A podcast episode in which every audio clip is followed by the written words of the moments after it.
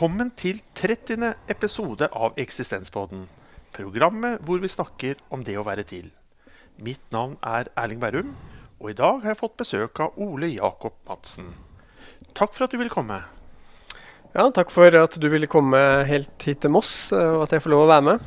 Bare hyggelig. Hvordan vil du kort beskrive deg selv? Um, tja, jeg er uh, ja, Jeg heter Ole Jakob Madsen, er 42 år i dag, faktisk. Det er bursdagen min i dag, tilfeldigvis. Gratulerer med dagen. Ja, um, ja Småbarnspappa uh, til tre, tre barn.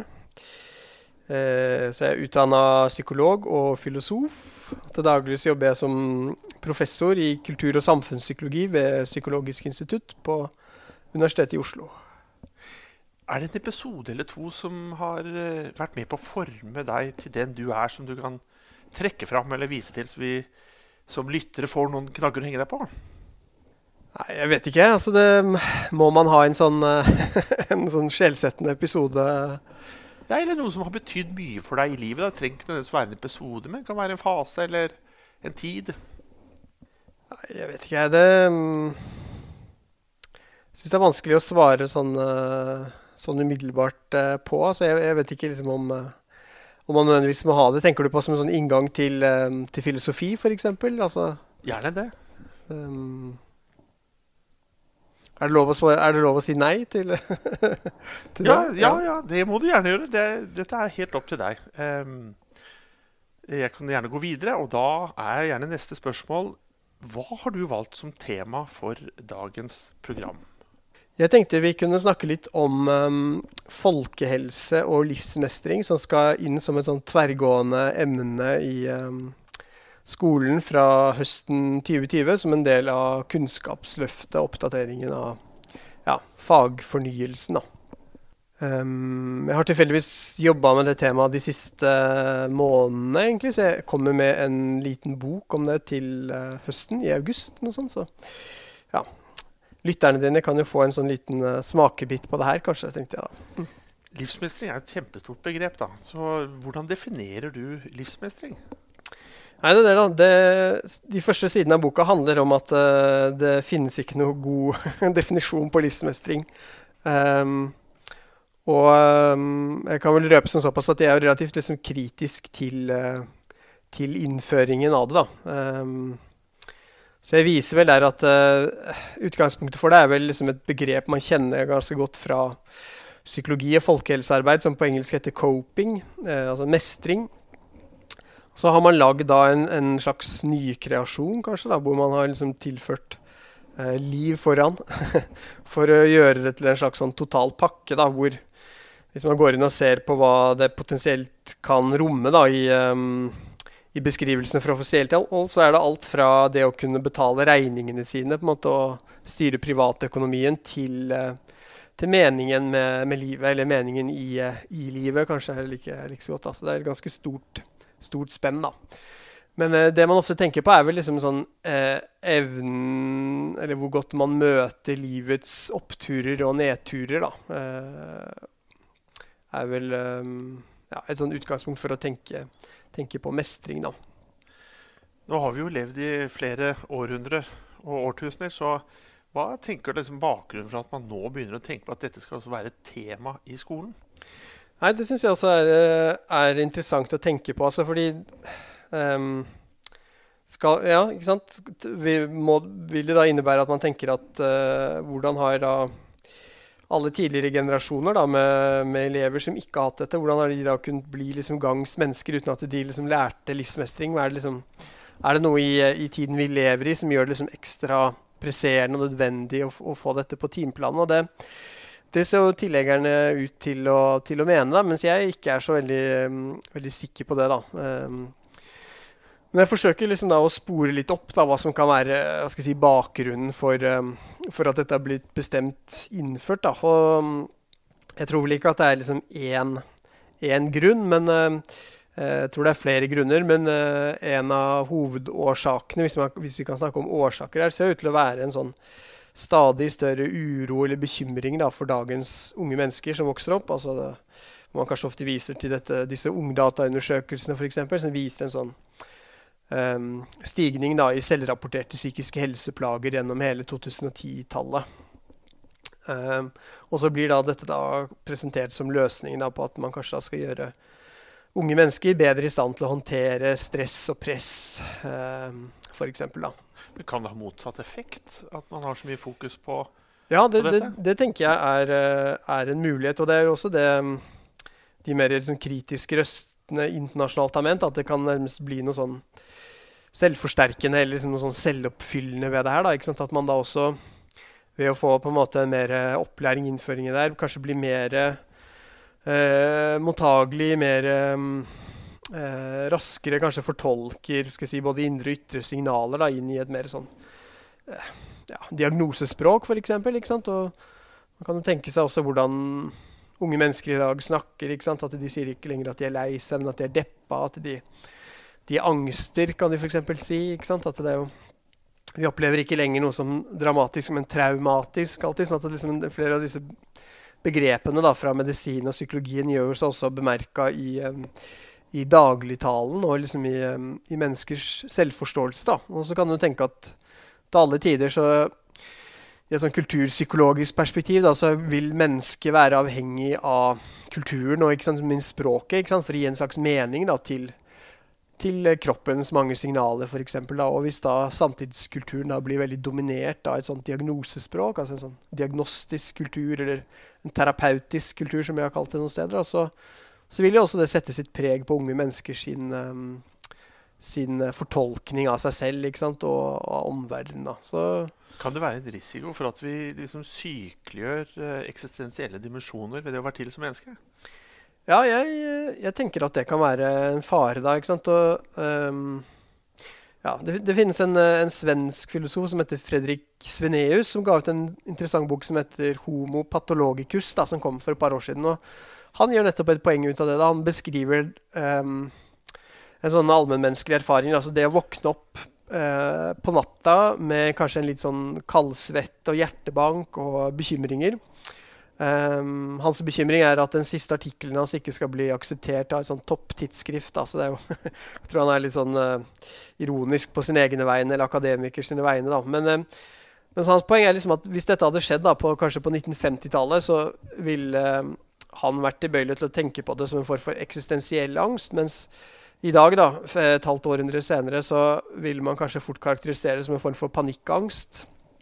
Um, anxiety disorder. Da. Og, og poenget hans er vel liksom at språket ikke er, um, er uh, si, nøytralt eller uskyldig her. Det, det, øker sannsynligheten for ulike typer handlinger. Så den eksistensielle angsten, så trekker han inn kirkegård osv. Det var liksom da kanskje noe en sånn ånd som kom og hjemsøkte deg, som tvang deg til å kontemplere over livet ditt, hvor du var på vei, og kanskje gjøre endringer eller ikke. Men, mens den um, panikkangsten, da, den, det er noe man går til legen sin med ikke sant? for å kanskje få da, eh, medisiner mot, eller, eh, eller psykologbehandling eh, for. da.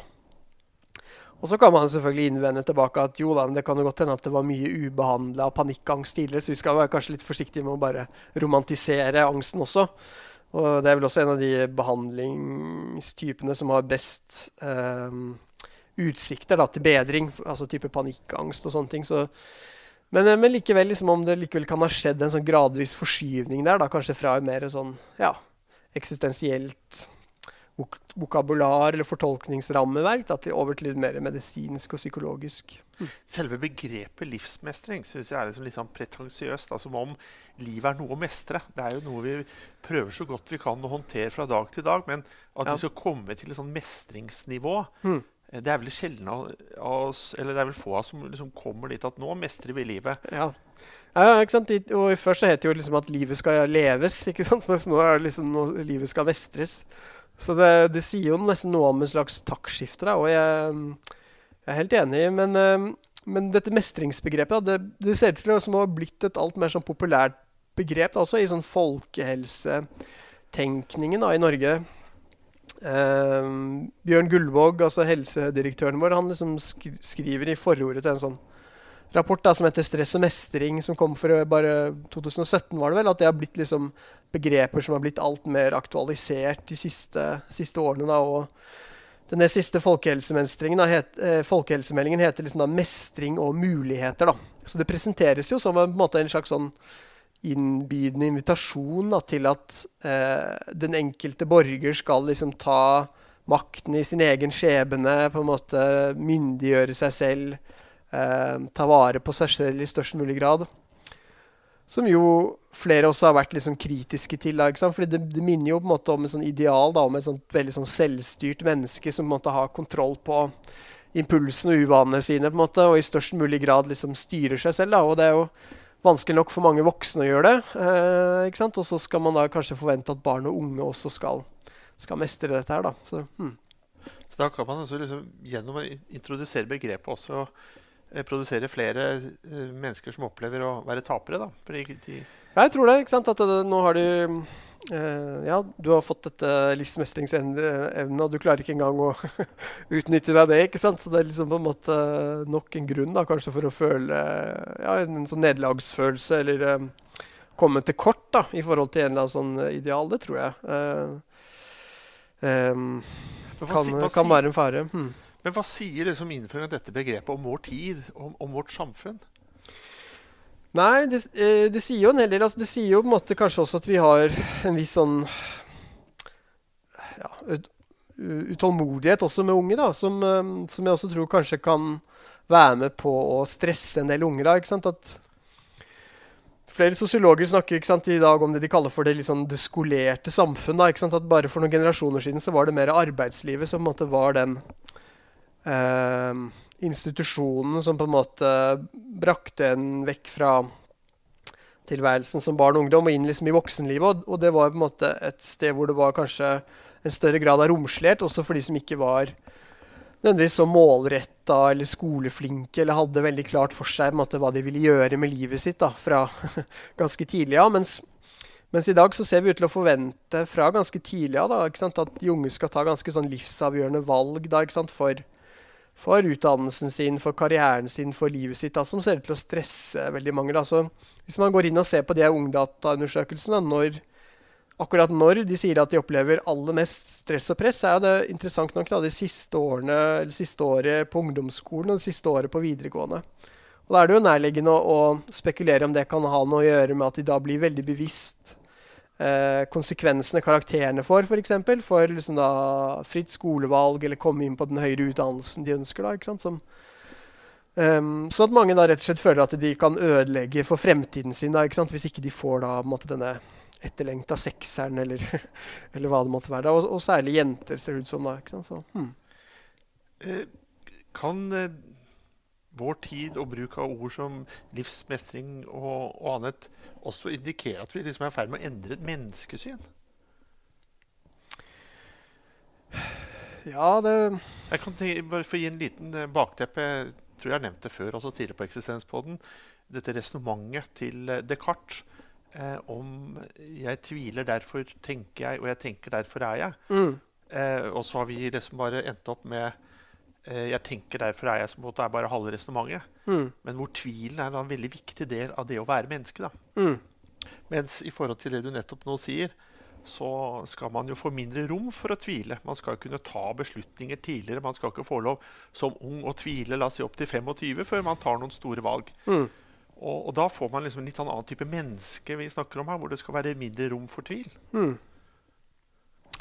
Ja, det kan hende. Sånn som jeg tenker på det, så, så, virker det på meg også som man Altså Hvis du ser på noen av de her um, støttedokumentene da, til Kunnskapsløftet, sånn som um, det utvalget som ble ledet av Stein Ludvigsen, professor i pedagogikk Universitetet i Oslo, så Ludvigsen-utvalget, da, hvor de liksom så presenterer det, det, liksom, det er en sånn betenkning om fremtidens skole, hvor de ble bedt om å se på hva slags på måte, kompetanser og ferdigheter som fremtidens skoleelever trenger. Og da opererer de jo med et veldig sånn dynamisk uh, menneskesyn, eller elev- eller menneskesyn. Da? At liksom Uh, at man må venne seg til å lære gjennom hele livet. Uh, man må kanskje være mer fleksibel og omstillingskapabel enn tidligere, da, uh, osv.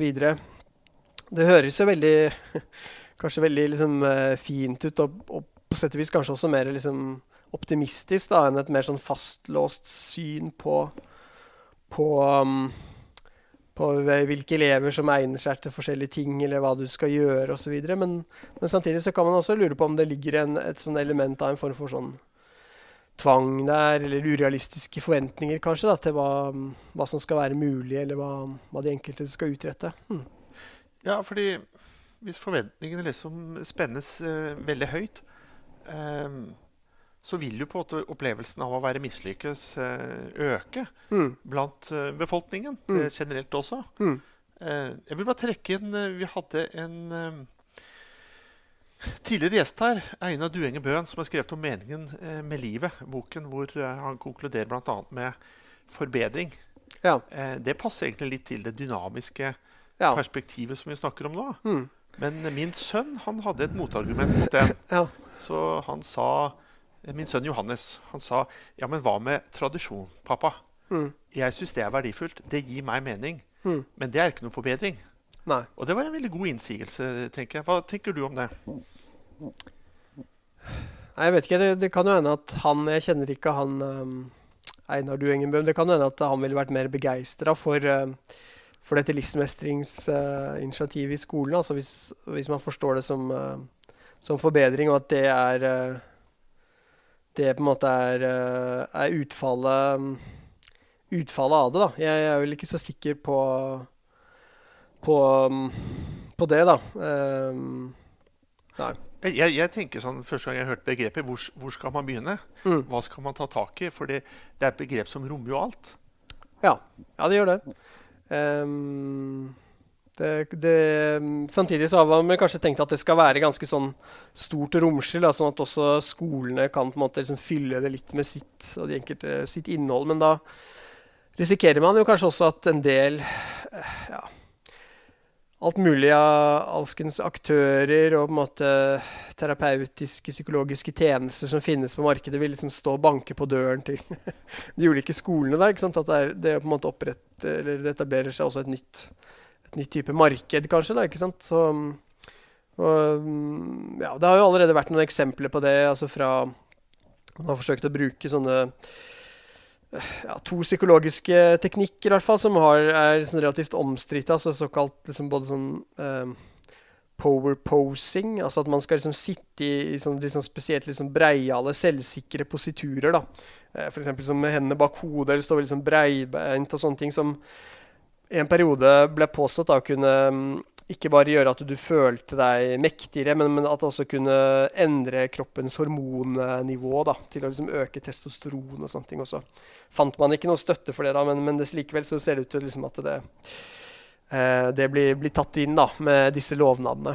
Og Så var det også da kronprins Haakon sitt flytprogram, som riktignok er utenfor skolen, da, hvor hvor det også var et sånt innslag hvor eh, Krompen åpna dette i, eh, i, um, i Drammen. Hvor, hvor, han da brukte en sånn teknikk som kalles for positivt selvsnakk. Altså som er kjent fra selvhjelpslitteratur, hvor du står foran. For et speil og sier til deg selv sånn 'Jeg er en person verdt å elske'. Du skal si noe fint om deg selv. da.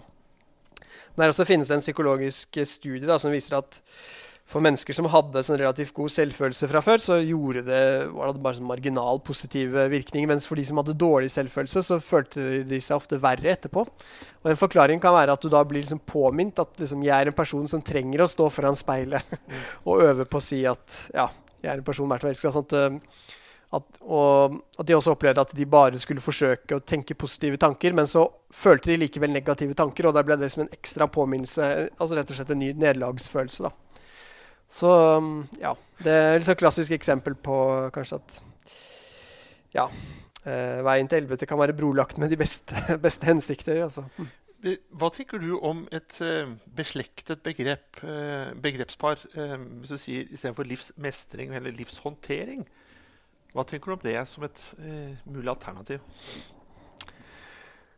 Ja, det kan jo hende at det ville lov, lovet liksom litt mindre. At det ligger liksom en liksom nedjustert forventning til det i, uh, i, um, i, selve ordet. At det sånn sett kan være bedre. Men samtidig så kan man jo liksom tenke kanskje at det ville vært litt sånn ja, Same shit, different rapping, bare. ikke sant? At, at, liksom, igjen, at man kanskje også der vil liksom forventa en viss sånn samme pakke, kanskje. Har liksom noen slags ja, noe verktøy, liksom, eh, som, eh, som, jeg tror mange, mange, er ute etter. da. Jeg, ja, jeg vet ikke. Mm.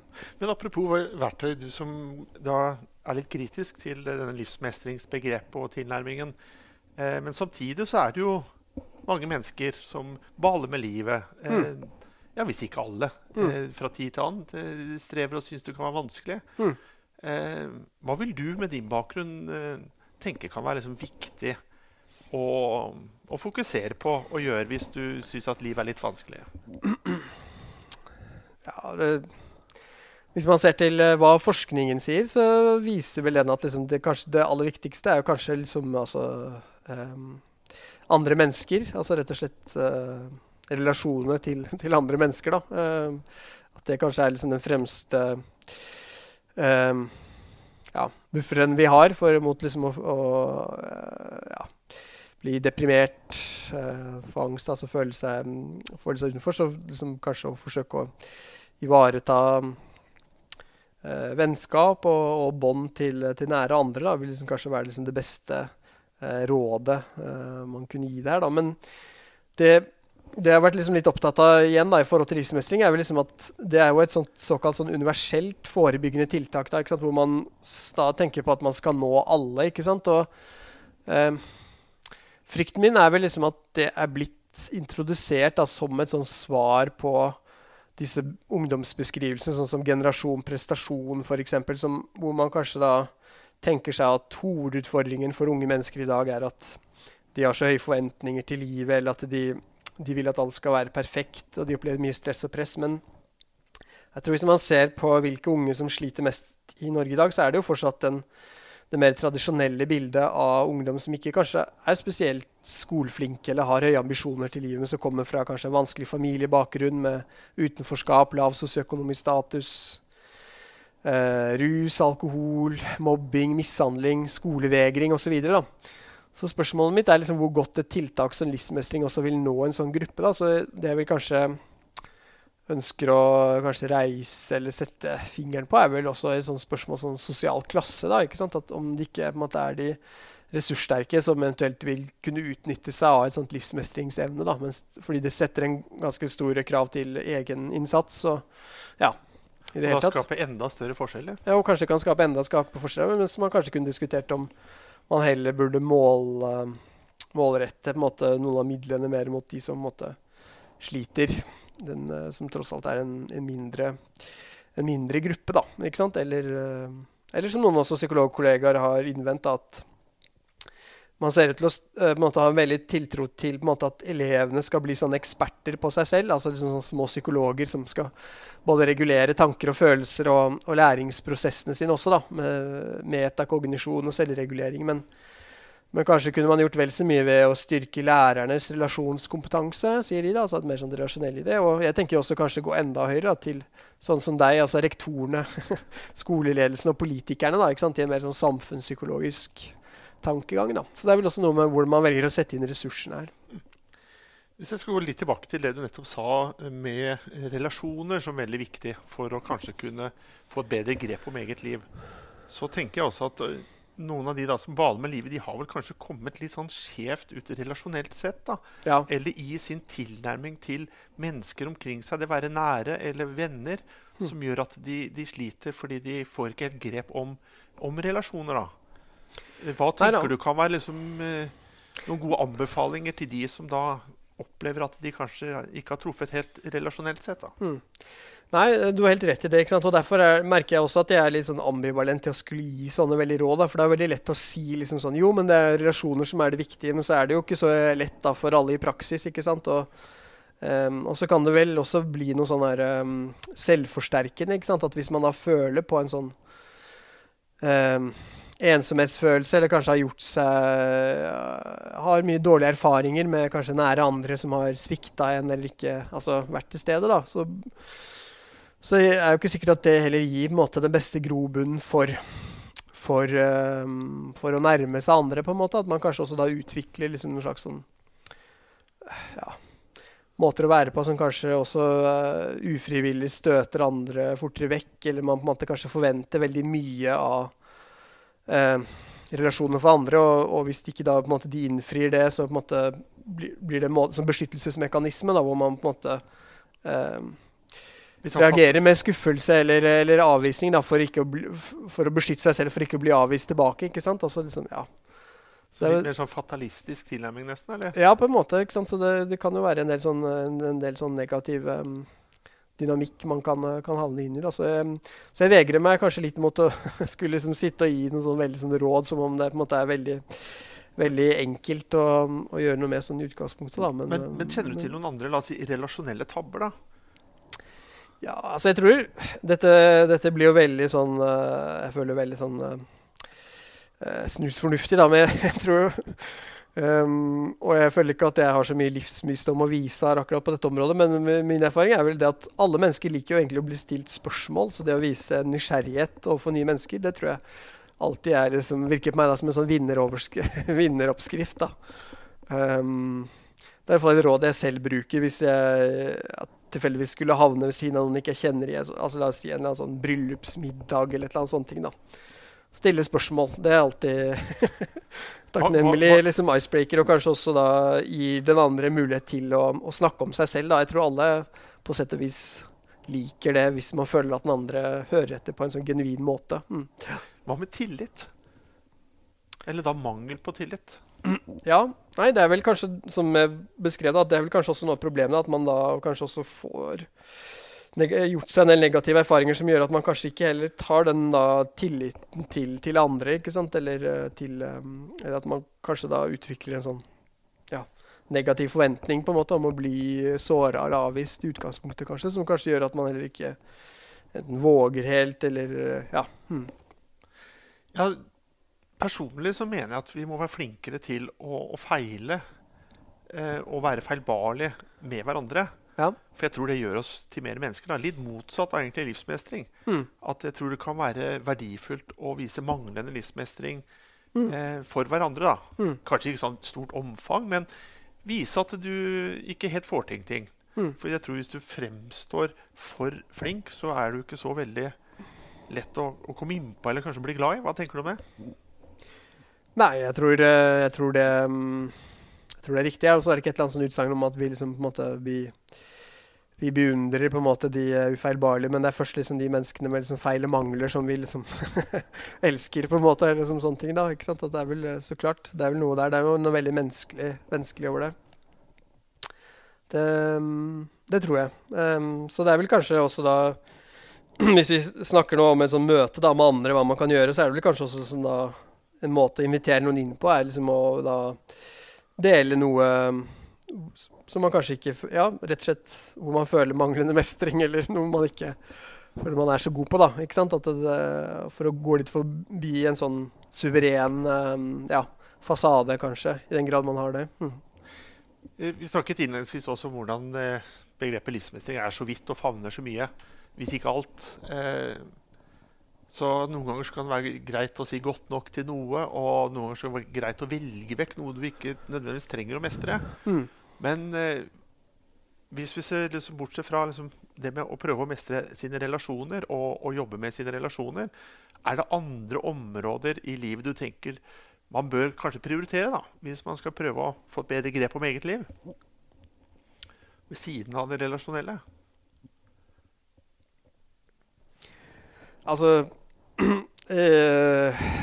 Jeg tror jo også på Dette er også relativt enkle ting, men igjen så tror jeg det er liksom en sånn slags man kan si sånn Forskning viser, og også egen erfaring. altså det Fysisk aktivitet, f.eks. Det, det er veldig, et veldig kjedelig råd å komme med, som jeg tror jeg også vil liksom kan avsky å høre, men, men jeg tror likevel det er noe, noe sant i det. da, ikke sant? Og det er jo noen ganger så kan man jo lure på liksom også på en måte at det moderne mennesket ikke sant? At, ja, Med en sånn økende grad av i hvert fall subjektive mm, registrerte psykiske helseplager, da, om vi noen ganger også rett og slett har for mye, mye tid og overskudd da, til å kjenne et, etter. ikke sant? At, jeg har i hvert fall selv gjort meg sånne erfaringer at hvis jeg har hatt en dårlig dag, f.eks., kanskje går og tenker på noe som plager meg, føler at verden går meg imot, eller føler meg av en eller annen grunn litt sånn engstelig en dag, altså sånne ting, da, så, så føler jeg at liksom en, eh, en joggetur eller et eller annet sånt, da, kan liksom ta drepen på en del av de følelsene også. At det er liksom noe med liksom følelse at kroppen rett og slett tar over. Um, og en sånn takknemlighet når jeg endelig kommer fram da, et joggestur at nå er på en måte det vonde, vonde slutt. på en måte. Så at det ligger en slags um, kan ligge noen slags liksom, angstdempende der, eller um, ja, en følelse av um, at du kobler inn, kobler inn, noe annet, rett og slett. Det, det har i hvert fall jeg tenkt. da. Uh, det husker jeg så var det nesten liksom en liksom aha-opplevelse, selv om jeg hele tiden har hørt dette med fysisk aktivitet så lenge jeg kan huske. Men det var, følelse, det var akkurat som noe jeg måtte erfare selv, tror jeg. Jeg begynte ikke å løpe før sånn oppi 20-årene eller noen sånne ting. Mm. Vi snakket livsmestring om, eller Når vi snakket om livsmestring, så tenkte vi også i stad på liksom andres forventninger. Men hva med egne forventninger eh, knyttet til eh, det å mestre eget liv? Har vi noe å gå på der? Ja, det er jo det er, vel, tenker, det er, vel, en veldig menneskelig ting å tenke at man vil eh, utrette på måte, noe på liksom ens tilmålte tid her i, eh, her i eh, Ja, hva skal vi si, rett og slett på vår tid på jorden. Da, ikke sant? Og dette med så ser på et sånt begrep som selvrealisering, da, så kan du finne det helt tilbake til sånn som hos Aristoteles og sånne ting. Men jeg tror, jeg tror likevel det har skifta en del innhold. da, at i hvert fall liksom i antikken og sånne ting, så handla det mer om å realisere eh, dyder, ikke sant? for å realisere på en måte det gode, gode samfunn, eller på en måte ja, et slags fellesskap. da, mens det ser jo ut til at selvrealisering mer og mer på en måte er blitt liksom overdratt til den enkelte, opp til den enkelte å liksom bestemme selv. og Da risikerer det vel kanskje også å bli noe sånn grenseløst over det. da, Det er liksom frakobla moralen og liksom fellesskapsverdien er noe man skal finne ut av selv. på en måte, og da kan vel også bli noe som kan, um, kan slite en ut, da, med kanskje også liksom grenseløse forventninger til, uh, til, det. For når vet man at man er selvrealisert nok, f.eks.? Altså sånne ting. Da, så. Men hvordan kan man liksom få en regulering da, av denne grenseløsheten? Nei, På en måte så tenker jeg noen ganger at, liksom, uh, at si, livet selv gjør det også. Altså det å få det å få barn, f.eks. um, kan merke i mitt eget liv at jeg kunne sikkert ha en del sånn der uh, hvor jeg tenkte over liksom, retningen på livet mitt, hva jeg skulle liksom, bruke tiden min på sånn, tidligere som, som, student, da, før jeg, før jeg var barn. Mens nå har jeg rett og slett ikke liksom, på en måte verken tid eller ork, ork til det på samme måte. da, At det kan tross alt kanskje være noe sunt, sunt, uh, sunt i det. Så det er kanskje det tredje selvhjelpstipset mitt. da, Få, få barn. liksom. Hvordan man kan, kan, få det. altså, Men um, Nei, ellers så Jeg vet ikke. Det Ja. Men dette med å gå og være fra grenseløs til å si noe er godt nok mm. Og liksom å kunne si f.eks. til en scene 'Jeg er god nok'. Ja. Er det en umulighet, eller er det noe vi også kan få til? Nei, det er jo sikkert uh, Jeg vet ikke, det um, Det er sikkert noe vi kan, uh, kan få til selv også, som kanskje liksom også jeg innbiller meg kanskje at det er også noe som kommer med en form for kanskje sånn, skal si, modenhet eller uh, noe i livsløpet, kanskje. Da, hvor man kanskje også blir ja, mindre mindre perfeksjonistisk, kanskje, eller mindre liksom, selvplagende kanskje på en del ting. At man rett og slett kan liksom, tåle å være eh, ja, feilbarlig, eller innse på en måte at man ikke er best i eh, mange ting, på en måte, eller at man har begrensa evner på en del, del, områder. på en måte, At det liksom ja, Kanskje det handler eh, også om rett og slett det å bli, bli, voksen på en måte, og lære seg å leve med ens utilstrekkelighet, på en måte. Uten at man uh, trenger å hate seg selv av den grunn. Eller, eller ja, liksom, mm. Så da jeg var yngre, så leste jeg et livsmåtte på baksiden av bladet, Dagbladet eh, av Ole Paus som het eh, hvor han skrev at hans livsmåte var 'hold ut'. Ja. Jeg syns det var utrolig tullete på den tid. Ja. Men nå som jeg er blitt eldre, så ser jeg klokskapen i det. Ja, mm. Så i lys av det vi snakker om nå, så tenker jeg også litt dette her med å, å tillate seg å, å, være litt tålmodig. Mm. Eh, I forhold til bl.a. livsmestring. da. Mm. Fordi du vil modnes med alderen, som du sier. Og få et bedre grep og få en større aksept for hvem man er, mm. og hva man gjør etter hvert. Så det er jo én ting man kan si til ungdommen. da, Hold ut. Ja, ikke sant. Det, det kan man helt sikkert. Hmm. Nå er vi på slutten av um, denne samtalen. Og da pleier jeg også å spørre om du har noen tips eller råd til lytterne. Nå har du allerede kommet med noen uh, tips eller råd, men uh, er det noen bøker for eksempel, som du vil anbefale lytterne som har gjort et stort inntrykk på deg? Ja, det er det jo Det er det jo hele tiden, føler jeg, altså. Men eh, det mm, nå, ble, nå, nå, kom det veldig sånn uh, brått Brått uh, Brått på meg, da. Altså det, mm. det er ikke en bok du liksom hele tiden viser til, og som du har gjort de siste ti årene, eller noe sånt, som, som du er veldig glad i? Nei, jeg føler jeg, altså jeg leser stadig, stadig noe nytt som um, som engasjerer meg. Altså, men uh, hvis vi skal liksom forsøke å avrunde da, med tanke på dette med livsmestring-tingene, så er vel Det jeg kanskje føler er skal jeg si, bør være skolens oppgave, da, nå får du korrigere meg kanskje, er jo liksom å Litt det som vi snakker om nå, da, å uh, forsøke å hjelpe kanskje da elevene og unger da, til å finne sin plass her i, i, i verden, på sett og vis, og, og hjelpe dem til å kanskje liksom finne et eller annet engasjement der, der ute. da. At noe av problemet kanskje med, med, skolen i dag, hvor måte, liksom, du må ha en sånn formell utdannelse for, for alt, sammenligna med tidligere, er jo kanskje at det har blitt veldig sånn, litt sånn snevert teoretisk, akademisk ideal. Da, kanskje hvor man isteden burde søke en form for ja, mestring, da, men med mange forskjellige måter da, å være, være, på i verden. Altså, det kan være intellektuell, kontemplativ, kunstnerisk, håndverksmessig, praktisk, fysisk. altså sånne ting da. Og, og finne de liksom noe som, um, som, en, som, engasjerer de, at det, um, det må være svaret. da, Mens frykten med dette med livsmestring er på en måte mer at det blir den omvendte bevegelsen. Da, ikke sant? At man da skal liksom øh, gjøre de mer introspektive da, ikke sant? og, og mer mer grublende. Um, uh, og kanskje søkende etter liksom, en slags sånn svar på innsiden som egentlig ikke kanskje er der, da, som først oppstår i, i møte med, med, noe større, større utenfor. Det, ja. Hvis jeg leser det rett, da, så sier du at det er viktig at vi ivaretar rommet for mange måter å være i verden på? Ja, jeg tenker, tenker det kanskje at det Ja. At det, har, har, du noen fyndord eller livsmotto du er spesielt glad i?